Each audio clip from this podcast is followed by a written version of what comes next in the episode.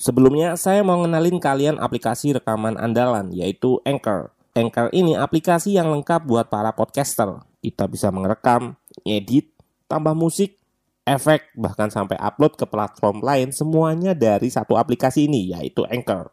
Nah, aplikasi ini bisa kalian download di App Store atau Play Store, atau bisa juga dari website langsung di www.anchor.fm. One app that your podcast need. Oh ya, Anchor ini gratis, free transfer.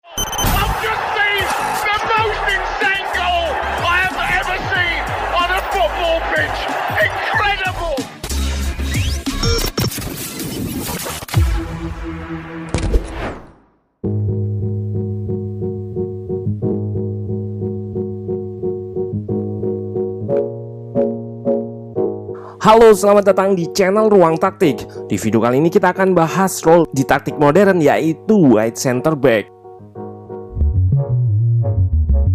Bicara soal siapa yang mengawali ini, maka akan muncul perdebatan si A dan si B yang tak kunjung usai.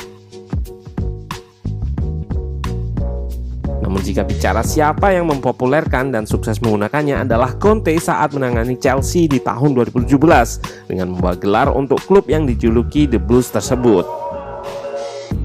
Yap, Conte menaruh seorang fullback yaitu Aspilicueta di pos 3 back. Sesuatu yang nggak lazim.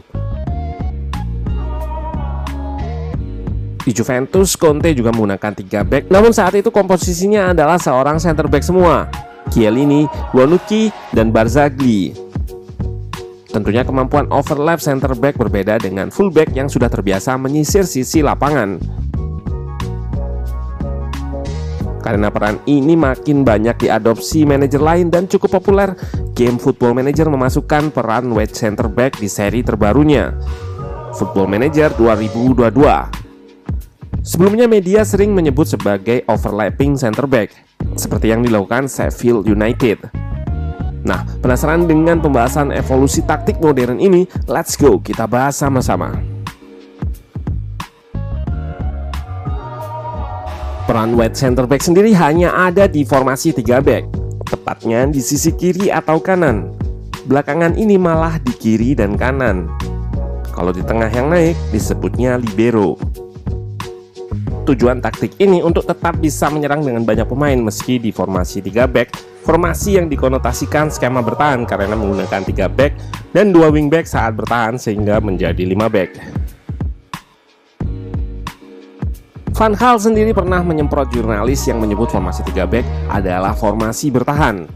Katanya jurnalis tersebut nggak punya visi sepak bola. Aplikasi all-in-one dan menjadi andalan para podcaster buat rekam podcast mereka Namanya Anchor.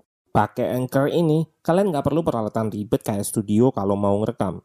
Semuanya bisa dari smartphone kalian menggunakan Anchor. Anchor bisa kalian download di App Store atau Play Store. Mudah banget. Di Anchor, kalian nggak hanya bisa ngerekam audio, tapi juga bisa ngedit langsung di sini. Nggak sampai di situ, Anchor juga dapat mendistribusikan konten kamu ke platform lain. Contohnya Spotify, Apple Music, dan lain-lain. Keren banget, satu aplikasi buat semua kebutuhan. Jadi nggak perlu aplikasi-aplikasi editing lain. Daripada kalian makin penasaran, mending langsung aja download Anchor sekarang. Oh ya, Anchor ini gratis loh. Yep, ruang taktik setuju. Tiga back dengan wide center back ini bukanlah formasi bertahan saja. Namun dengan salah satu center back yang punya atribut attacking, justru menjadi solusi formasi tiga back yang terlalu banyak pemain di belakang. Kita lihat satu dari tiga center back naik untuk menjadi tambahan pemain tengah atau back kanan, meninggalkan dua CB di belakang.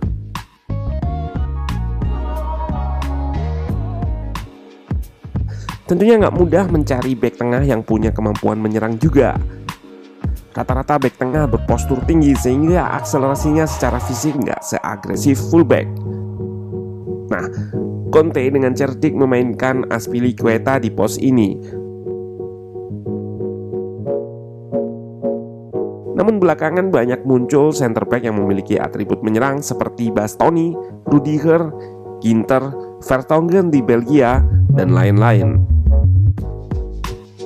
Beberapa tim sudah memakai dua sisi wide center back, kiri dan kanan. Lalu pertanyaannya apakah nggak kena counter attack? Tentunya, overlap atau naiknya back ini juga melihat situasi, utamanya ketika lawan bermain dengan blok rendah yang mana menumpuk banyak pemain di belakang. Jadi, jumlah versus jumlah. Coba bayangkan jika lawan low block dengan menyisakan satu striker saja di depan, maka tiga back yang stay di belakang akan mubazir untuk melawan status striker tersebut. Satu dari tiga back bisa dialokasikan untuk tambahan penyerangan. Ini ide taktiknya. Yang jelas adanya taktik modern ini menambah tuntutan baru bagi seorang center back yaitu kemampuan menyerang terutama lewat lebar lapangan dan half space.